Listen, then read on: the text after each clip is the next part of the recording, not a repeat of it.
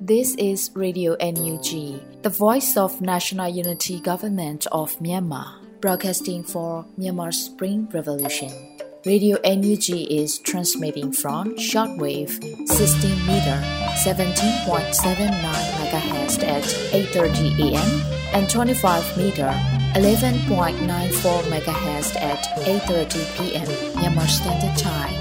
မင်္ဂလာပါရှင်။ မြို့သားညီညွတ်ရေးအစိုးရရဲ့အတန်လွှင့်ဌာန Radio NUG ကိုမနက်ပိုင်း၈နာရီခွဲမှာလိုင်းတူ16မီတာ19.89 MHz ညပိုင်း၈နာရီခွဲမှာလိုင်းတူ25မီတာ17.6 MHz တို့မှာဓာတ်ရိုက်ဖမ်းယူနိုင်စေနိုင်ပါရှင်။မင်္ဂလာအပေါင်းနဲ့ပြည့်စုံကြပါစေ။အခုချိန်ကစပြီး Radio NUG အစီအစဉ်လေးကိုဓာတ်ရိုက်အတန်လွှင့်ပေးနေပါပြီရှင်။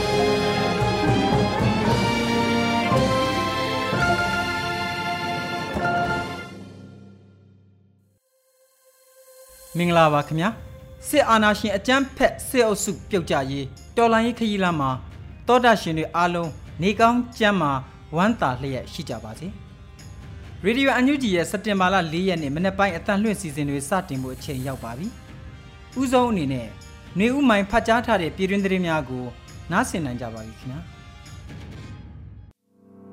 မင်္ဂလာပါရှင်အခုချိန်ကစပြီးရေဒီယို UNG ရဲ့2023ခုနှစ် စက်တင်ဘာလ၄ရက်နေ့မနက်ခင်းပြည်တွင်သတင်းများကိုဖတ်ကြားပေးပါတော့မယ်။ကျွန်မကတော့ຫນွေဦးမိုင်းဖြစ်ပါရရှင်။ပထမဆုံးသတင်းအနေနဲ့အိုးပြစ်အိမ်ပြစ်အသက်လူပြီးစွန့်ခွာထွက်ပြေးနေရတဲ့ပြည်သူလူထုရဲ့ဒုက္ခနဲ့ရှင်ရင်အစိုးရရဲ့ကြီးလေးတဲ့တာဝန်ဟာအသေးအဖွဲမျှတာဖြစ်တယ်လို့ယာယီသမရပြောကြားတဲ့သတင်းကိုတင်ပြပေးသွားပါမယ်။ စက်တင်ဘာ3ရက်မှာအမျိုးသားညီညွတ်ရေးအစိုးရယာယီသမရဒူဝါလက်ရှိလာမှပြည်သူများထံသို့သတင်းစကားပါဆိုရမှာအခုလိုပြောကြားခဲ့ပါတယ်။အိုးပြစ်အိမ်ပြစ်အသက်လူပြီးစွန့်ခွာထွက်ပြေးနေရတဲ့ပြည်သူလူထုရဲ့ဒုက္ခနဲ့ရှင်ရင်ကျွန်တော်တို့ရဲ့ကြီးလေးတဲ့တာဝန်ဟာအသေးဖွဲ့မျှတာဖြစ်တယ်လို့ယူဆပါတယ်လို့ဆိုပါတယ်။2023ခုနှစ်ဩဂတ်လ14ရက်နေ့အထိကုလသမဂ္ဂရဲ့နောက်ဆုံးကိန်းဂဏန်းတွေအရမြန်မာနိုင်ငံတွင်း ပြည်တွင်းနေဆွန့်ခွာသူဦးရေ1.6တန်းကျော်ရှိလာပြီဖြစ်ပါတယ်။ဒီအထက်ကမှလူဦးရေ1.6တန်းကျော်ဟာ2021ခုနှစ်ဖေဖော်ဝါရီလအာဏာသိမ်းယူမှုအပြီးဖြစ်ပေါ်လာတဲ့ပြိပခါနဲ့မလုံခြုံမှုတွေကြောင့်နေရဆွန့်ခွာထွက်ပြေးကြရသူတွေဖြစ်ပါတယ်ရှင်။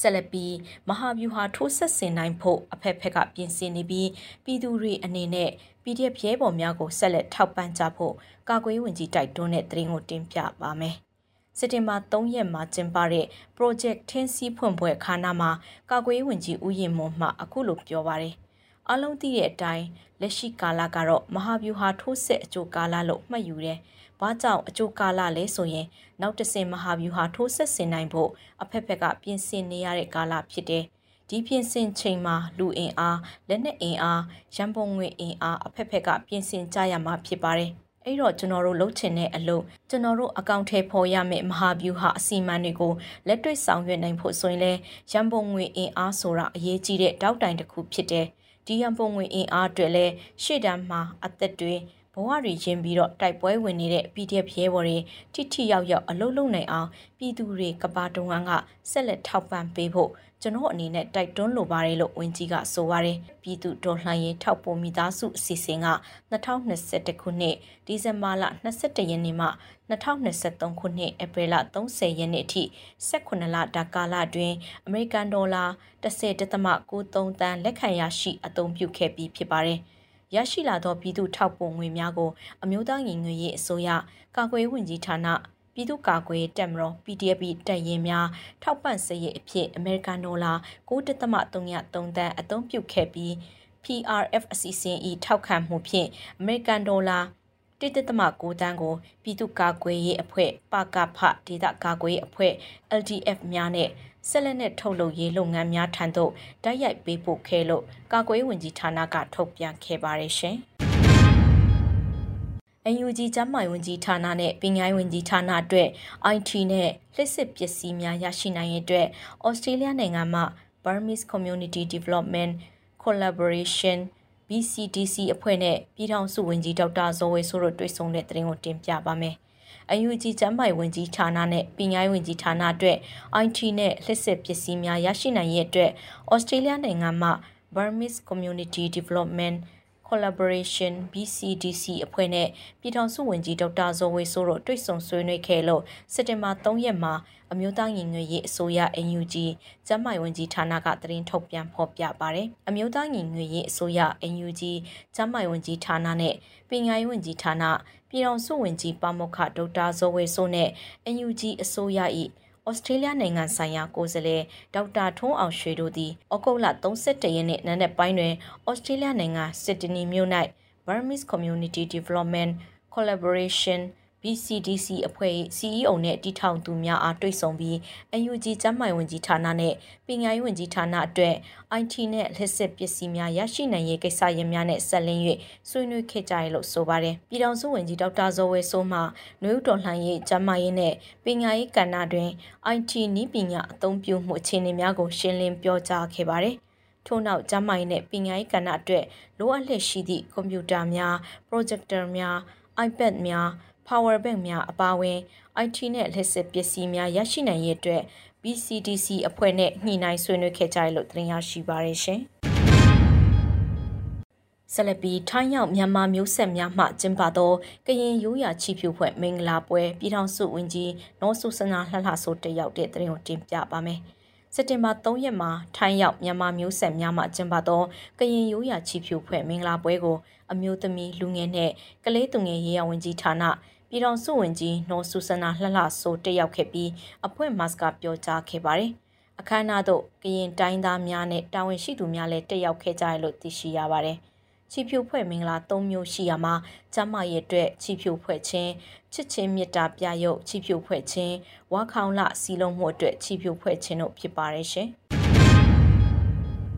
အာဆီယံလူထုဖိုရမ်ကနေအကြမ်းဖက်စစ်အုပ်စုကိုအကြမ်းဖက်အဖြစ်သတ်မှတ်ပြီးအယူကြီးနဲ့ပုံမပူးပေါင်းဆောင်ရွက်ဖို့ကြေညာတဲ့သတင်းကိုဆက်လက်တင်ပြပါမယ်။အင်ဒိုနီးရှားနိုင်ငံဂျာကာတာမြို့မှာကျင်းပနေတဲ့အာဆီယံလူထုဖိုရမ်ကနေအကြမ်းဖက်စစ်အုပ်စုကိုအကြမ်းဖက်အဖြစ်သတ်မှတ်ပြီးအယူကြီးနဲ့ပုံမပူးပေါင်းဆောင်ရွက်ဖို့ကြေညာလိုက်တယ်လို့စက်တင်ဘာ3ရက်မှာ UNG လူခွင့်ရေးဆိုင်ရာဝန်ကြီးဦးအောင်မျိုးမင်းကအသိပေးဖော်ပြထားပါတယ် အင်ဒိုနီးရှားနိုင်ငံဂျာကာတာမြို့မှာကျင်းပနေတဲ့အာဆီယံလူထုဖိုရမ်ကနေအကြမ်းဖက်စစ်အုပ်စုကိုအကြမ်းဖက်အဖြစ်သတ်မှတ်ပြီးအယူဂျီနဲ့ပုံမပူပေါင်းဆောင်ရွက်ဖို့ကြေညာချက်ထုတ်ပြန်လိုက်ပါတယ်လို့ဆိုထားပါတယ်။မြန်မာအပါအဝင်အာဆီယံ၁၀နိုင်ငံနဲ့တီမောနိုင်ငံကအရက်ဖက်အဖွဲ့အစည်းကိုစားပြုသူတွေတက်ရောက်ဆွေးနွေးကြတဲ့အာဆီယံလူထုဖိုရမ် APF ခေါ်အာဆီယံအရက်ဖက်အဖွဲ့အစည်းများညီလာခံ ACSC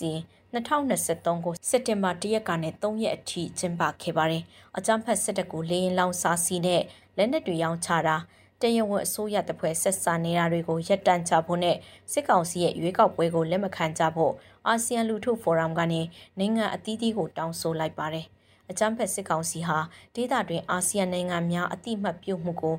အပူတပြင်းလိုလာနေတော့လဲလက်ရှိအာဆီယံထိပ်သီးအစည်းအဝေးများနဲ့အဆင့်မြင့်အစည်းအဝေးများကိုတက်ရောက်ခွင့်မရှိဘူးဖြစ်ပါတယ်ရှင်။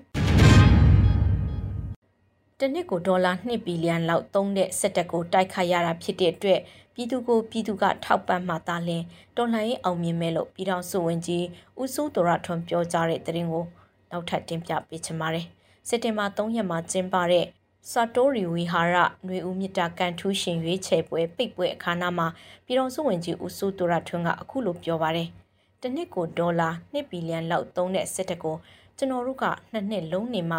တန်း200လောက်နဲ့တိုက်ခိုက်ရတာဖြစ်တော့အစားအသောက်ရိတ်ခါကြက်တဲ့ပစ္စည်းတကယ်တမ်းကြတော့မလုံလောက်ပါဘူး။အဲ့တော့အားလုံးရဲ့ပါဝင်မှုဒီအရန်လေးအရေးကြီးပါတယ်။ငွေတိုက်စာချုပ်တို့ EOD တို့နီလန်ပေါင်းစုံနဲ့ရှာနေတာမှန်တော့လဲတကယ်တော့လိုတော့လိုနေပါသေးတယ်။ ပြည်သူထံမှပြည်သူတုပ်ဆိုတဲ့သဘောပါပဲပြည်သူကိုပြည်သူကထောက်ပံ့မှတလည်းတော်လှန်ရေးအောင်မြင်မယ်လို့ဝန်ကြီးကဆိုပါတယ်လက်ရှိမှာစစ်ရေးအရှင်ကိုမြင့်တင်လှည့်ရှိပြီးကရင်နီဒေသကရင်ပြည်နယ်စကိုင်းတိုင်းမကွေတိုင်းချင်းပြည်နယ်တို့မှာစစ်ကောင်စီတပ်ဖွဲ့ဝင်များဟာအထိနာကြဆုံးလှည့်ရှိပါရဲ့ရှင် CDM တအူနှွေဦးထီတဆောင်ကမ်ပိန်းဝင်ကြီးဌာနလိုက် CDMR များကိုအလှည့်ကျပေးရန်စီစဉ်ဆောင်ရွက်နေတဲ့သတင်းကိုတင်ပြပါမယ်။ CDM တဦးနှွေဦးထီတဆောင်ကမ်ပိန်းဝင်ကြီးဌာနလိုက် CDMR များကိုအလှည့်ကျပေးရန်စီစဉ်ဆောင်ရွက်နေတယ်လို့ကမ်ပိန်းလူမှုကွန်ရက်မှာအသိပေးကြေညာထားပါတယ်။နှွေဦးထီလက်ဆောင်ကိုတက်ဆိုင်ရာဝင်ကြီးဌာနများ၏တာဝန်ခံများထံမှတဆင့် CDMR တဦးချင်းထံအရောက်ပေးပို့ပါတယ်။ကမ်ပိန်းတွင်ပါဝင်လှူဒန်းသည့်ထီအရေးအတွက်ပေါ်မူတည်၍ပြန်လည်ထောက်ပံ့ခြင်းဖြစ်သည့်အတွက်ထီလက်မှအဆောင်ရည်အကန့်အသတ်ရှိပါသဖြင့်ဝင်ကြီးဌာနအလိုက် CDMR များကို အလှည့်ကျပေးရန်စီစဉ်ဆောင်ရွက်နေပါတယ်လို့ဆိုထားပါတယ်။ CDMR များအနေဖြင့်မိမိတို့သက်ဆိုင်ရာဝင်ကြီးဌာနနဲ့ချိတ်ဆက်ထားကြဖို့လိုအပ်ကြောင်းသိရပါတယ်။ CDM တွေကိုထောက်ပို့တဲ့ထီလက်မှတ်တွေကိုဝင်ကြီးဌာနမှရှိတဲ့ CDM တွေကိုခွဲရန်အလိုက်ကော်မတီကပြန်လည်ပို့ပေးကြောင်းသိရကဂျွန်နဲ့ဇူလိုင်တွင်လစဉ်ထီဆောင်ရင်900ကျော်နဲ့1000ကြားခွဲရန်ပို့ပေးခဲ့ပါတယ်။ အောင်လန်လွင့်ချီနွေဦးထီအပတ်စဉ်22တွင်စက်သိန်း100စုကို CDM တဦးကန်ထူပြီး15သိန်းစု3စု5သိန်းစု15စုတသိန်းစုကို CDM 69ဦးကန်ထူကြပါတယ်။ CDM တဦးຫນွေဥထီတဆောင်ချင်းမြင့်သည့်ကမ်ပိန်းကိုမိသူမဆိုပါဝင်နိုင်ပြီး CDM ဝန်ထမ်းများအတွက်ထီလက်မှတ်ဆဲဆောင်တဲ့အထက်ဝဲယူအားပေးသူအားကော်မတီကလက်ဆောင်ပို့စကတ်များပြန်လည်ပေးပို့မှာဖြစ်ပါတယ်ရှင်။ ဩဂတ်စ်လအတွင်းမန္လေးမြို့တွင်ရှိမြို့နယ်များတွင်အကြမ်းဖက်စစ်ကောင်စီမတရားဖမ်းဆီးခံရသူအပြစ်မဲ့ပြည်သူ56ဦးထိရှိတဲ့တဲ့ရင်ကိုနောက်ဆုံးတင်ပြပေးသွားပါမယ်။ဩဂတ်စ်လအတွင်းမန္တလေးမြို့တွင်ရှိမြို့နယ်များတွင်အချမ်းဖက်စစ်ကောင်စီမတရားဖမ်းဆီးခံရသူအပြစ်မဲ့ပြည်သူ56ဦးထိရှိလာပြီလို့မန္တလေးတပိတ်အင်အားစုကအတည်ပြုဆိုပါတယ်။ 2023ခုနှစ်ဩဂတ်စ်လအတွင်းမန္တလေးမြို့တွင်မြို့နယ်များတွင်အကြမ်းဖက်စစ်ကောင်စီမတရားဖမ်းဆီးခံရသူအပြစ်မဲ့ပြည်သူ56ဦးရှိပြီးချမ်းအေးတာဇာမြို့နယ်မှ10ဦးအောင်မြေတာဇာမြို့နယ်မှ24ဦးမဟာအောင်မြေမြို့နယ်မှ19ဦးချမ်းမြေတာစီမြို့နယ်မှ3ဦးတို့ပါဝင်တယ်လို့သိရပါတယ်နေအိမ်ချိတ်ပိတ်ခံရမှုအနေဖြင့်တိမ်ပေါင်းတောင်းကြုံတန်ဖို့ရှိနေအိမ်လေးလုံးတင်စီခံခဲ့ရပါတယ်ရှင်။ အခုတင်ပြခဲ့တဲ့သတင်းတွေကို Radio UNG သတင်းထောက်မင်းတီဟန်ကပေးပို့ထားတာဖြစ်ပါတယ်ရှင်။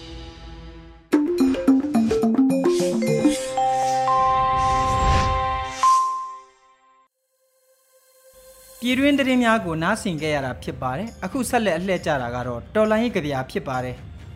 မင်းငိမ့်အေးရေးသားပြီးလွတ်လပ်နေဦးခန်းစားရွတ်ဖတ်ထားတဲ့ခက်တီလွယ်သည်ဆိုတဲ့ကြပြကိုနားဆင်တော်မူကြပါခင်ဗျာ ခက်တီလွယ်သည်မင်းမွေးနေကိတ်ကဗန်ကြီးတိုက်နယ်တင်မကအထွေထွေကုမရတဲ့ကုလသမဂ္ဂတီမောင်းတုံကအမေရရင်နဲ့ဥစဉ်တယောက်ကိုဥခိုက်လူလဲခက်ကြပြားလဲခက်တဲ့ကြပြားဆရာတယောက်ဘယ်ဘဝရောက်နေပြီလဲနေကြတွေစီကြိတ် အနေမကြတဲ့နေကြတွေကြပြားကိုဖိကြိတ်တော့ကြပြားပဲပြန်ထွက်စရာရှိတာပေါ့ဒီဘဝမှာပယ်တရားကဲတရားစမရတဲ့အကျွေးနဲ့ခက်သည်ကြပြလိုရေးရင်ကြပြမဖြစ်လို့ကြပြမဖြစ်အောင်ရေးလိုက်တယ်ဘဝဆက်ဆက်ရင်ကျေးတဲ့အစိုးရနဲ့သာစင်ပြိုင်ဖြစ်ပါစေ မင်းငိမ့်အေး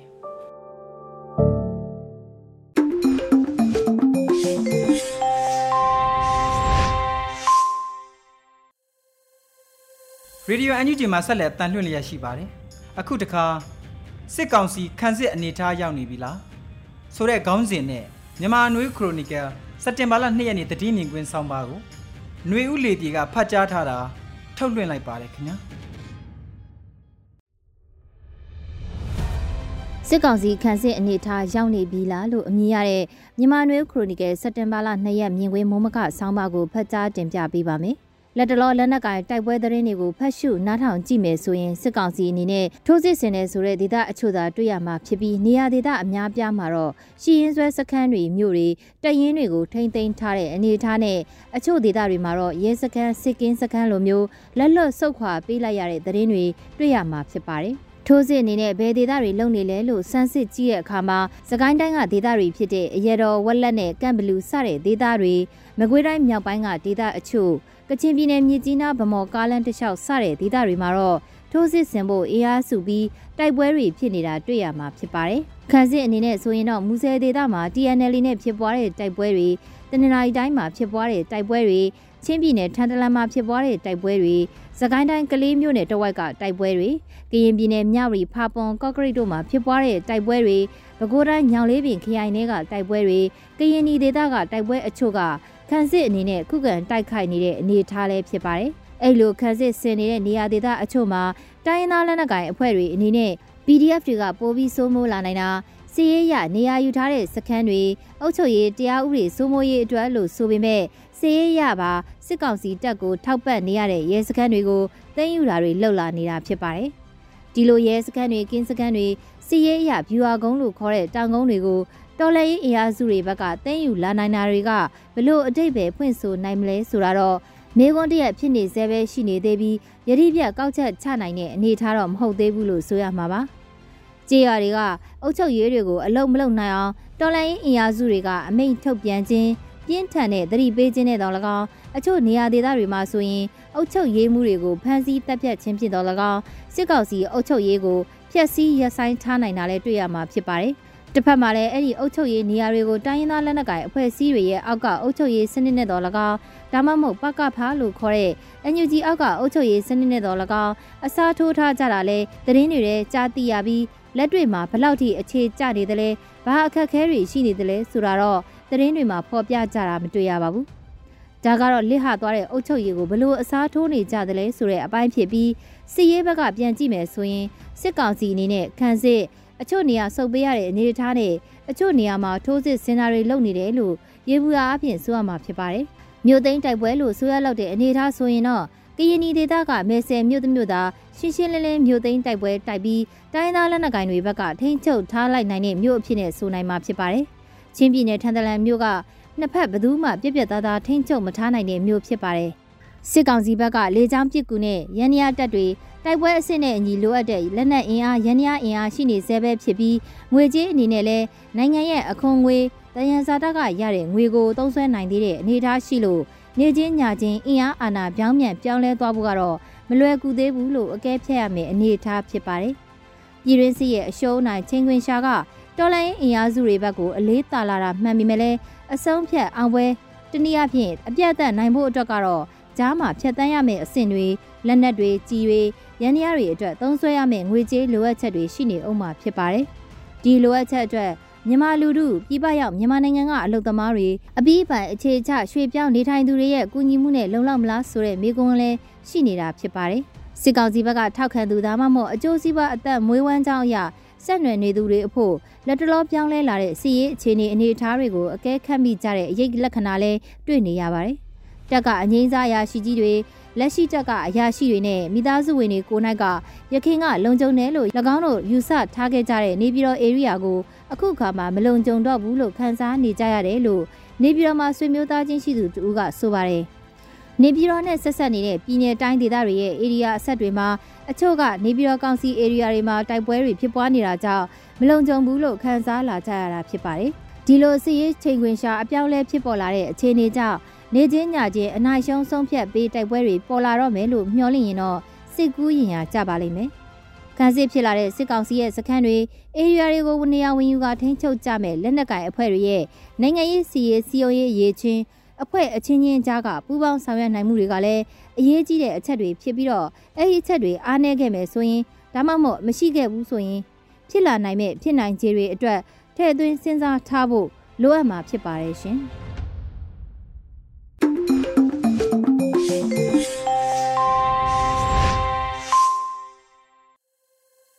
စက်တင်ဘာလ၄ရက်နေ့ Radio UNG ရဲ့မနေ့ပိုင်းအတန်လွှင့်စီစဉ်တွေကိုနားဆင်နေရတာဖြစ်ပါတယ်။အခုတခါတော်လိုင်းတေးဂီတာစီစဉ်မှာ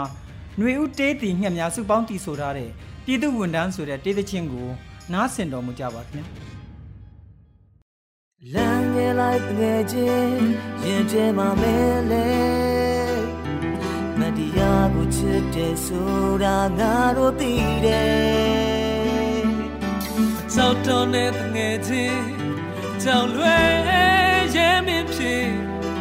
ကြောင်နေခြင်းငါတို့အခါကသိရလိမ့်မယ်သူတို့ထောက်တာမတရားတဲ့ဥပဒေငါတို့လိုက်နာစရာမလိုဘူးလေ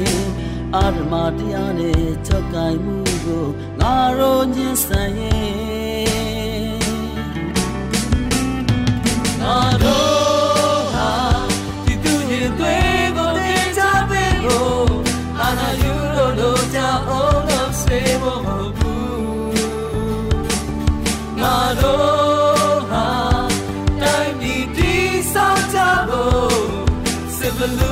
ချုပ်ထောင်ခိုင်တဲ့အောင်လို့ဖို့မဟုတ်ဘူးငါတို့အားလုံးရဲ့ရစံငါတို့အားလုံးကဒီသူဝေဒနာ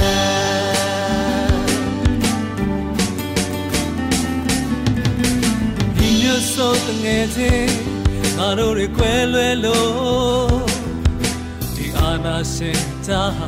အချိန်ချင်းဆွဲနေပြီ ချင်းငါတို့အားလုံးဟာ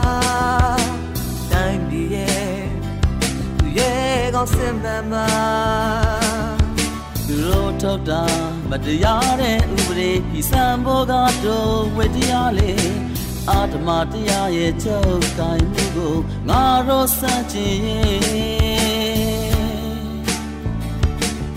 ငါတို့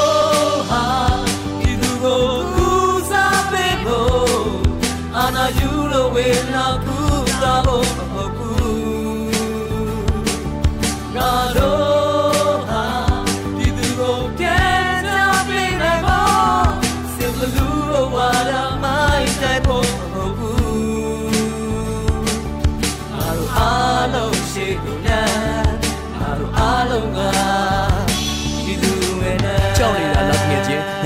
နဲ့မကြောက်တဲ့ဘက်ကိုလိုက်ခဲ့လမ်းပြောင်းနေတာလားတငယ်ချင်းမှန်တဲ့အရက်ကိုဥတီလျှောက်ခဲ့ခုဒီတစ်ခေါက်လဲငါတို့တွေ့အေးသွားလို့လုံးဝဖြစ်တွေ့ကြဆက်မရှစ်ဆက်ရှစ်ငါတို့နိုင်မှာ21အတန်လည်းတိတ်လမ်းလည်းလိတ်လည်းသီးစပင်းကအန်လည်းချိတ်မင်းစုံမင်းညပရင်တက်ဖြစ်ရင်ပိုကနေဆိုတော့ကမှန်စိတ်ကြီးစံနေမိကုန်ငွေတွေနဲ့လက်စိုးတွေဝိုင်းပြီးရက်ပြီးလဲဒီတွေဥတော်လန်ရေးမှာပေးရပြဲအန်ကိုချိန်စေမဲချိန်ချင်းနဲ့မင်းမမင်းနဲ့ငါတို့အားလုံးပန်းတိုင်းတူတူ မရမချေလူတွေပေါ်မလဲမင်းမမင်းနဲ့ငါတို့အားလုံးတရားမချမ်းမင်းနဲ့တူတိုင်းရင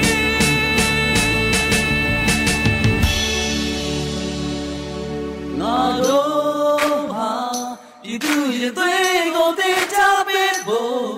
အာနာယူလို့လို့ချအောင်နောက်စေဖို့မဟုတ်ဘူး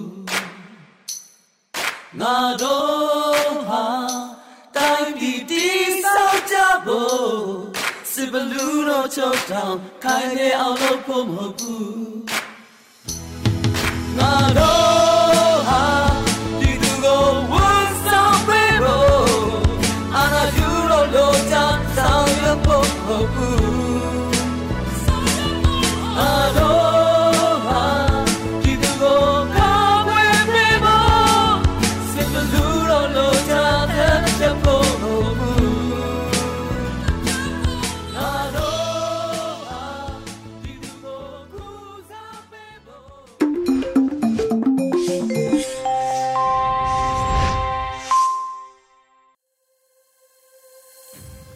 ဒီယိုအန်ယူဂျီမှာဆက်လက်အတန်လှည့်နေပါတယ်ဒီကနေ့နောက်ဆုံးစီစဉ်အနေနဲ့တမတူပီ Times အဖွဲ့ကတင်ဆက်ထားတဲ့မတူပီချင်းဘာသာနဲ့တိုင်းသားဘာသာထုတ်လွှင့်မှုအစီအစဉ်အပတ်စဉ်သတင်းများကိုနားဆင်နိုင်ကြပါပြီခင်ဗျာ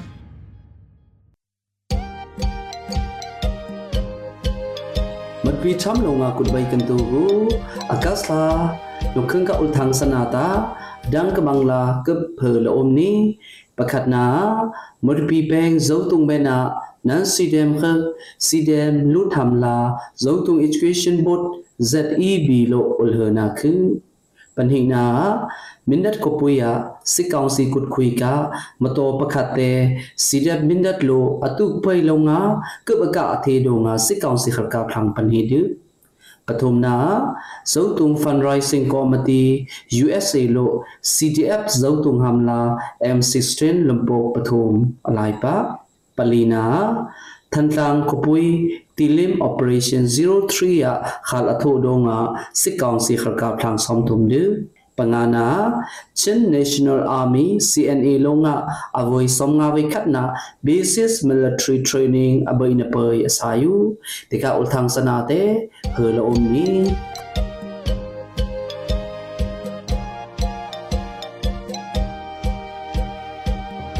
pakhatna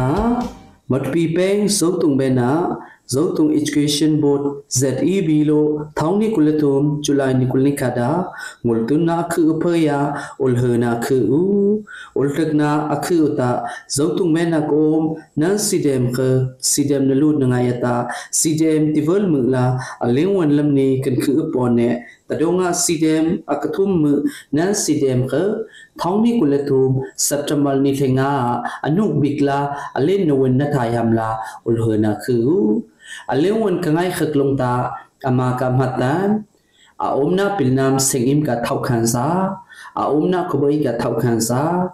စီဒပ်ကထောက်ခန်စာအမာကဥလကမ်နာစာဘိနေ ZEB တေငါနပေကနီ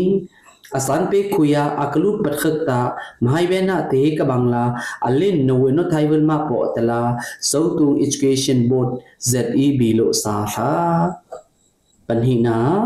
thongni kulathum akas nikula minat ko poi khuika ko sikaung si lo amhang mato pakhate sida minat lo atu pala om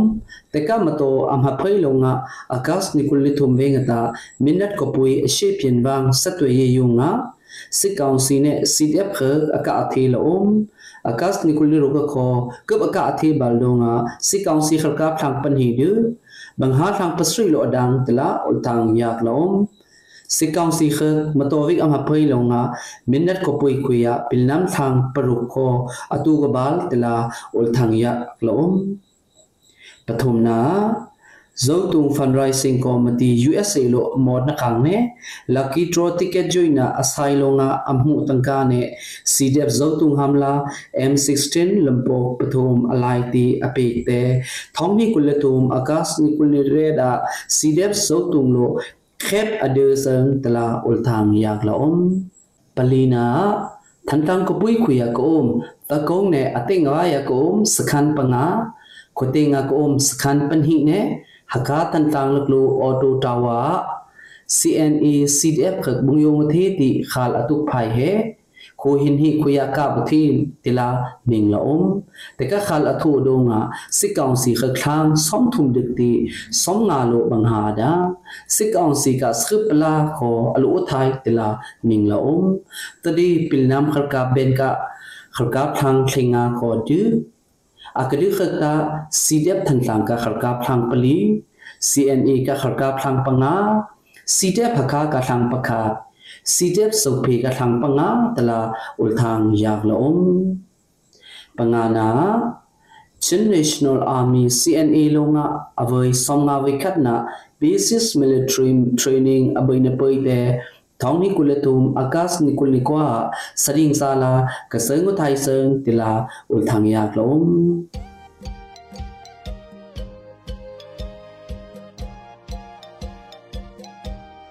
ရင်စာလာကစငုထိုင်စံတီလာဥထန်ယာကလုံးမတ်ပီချမ်ဥထန်ဟေ NUG radio dong ko nutun thai la om sa nutun ham ka ngai lum ta soni khat ta kum kuram ka min sang khuna bret le min som thum ve nga thain to 16 mita 17.79 megahertz ne cheme na thain to 25 mita 11.94 megahertz da nutun thai la om sa มัน ปีทำอุทังกันตุนขัดสัวสันละอมไงนักคือจะสาดิงเสนมังตรงเส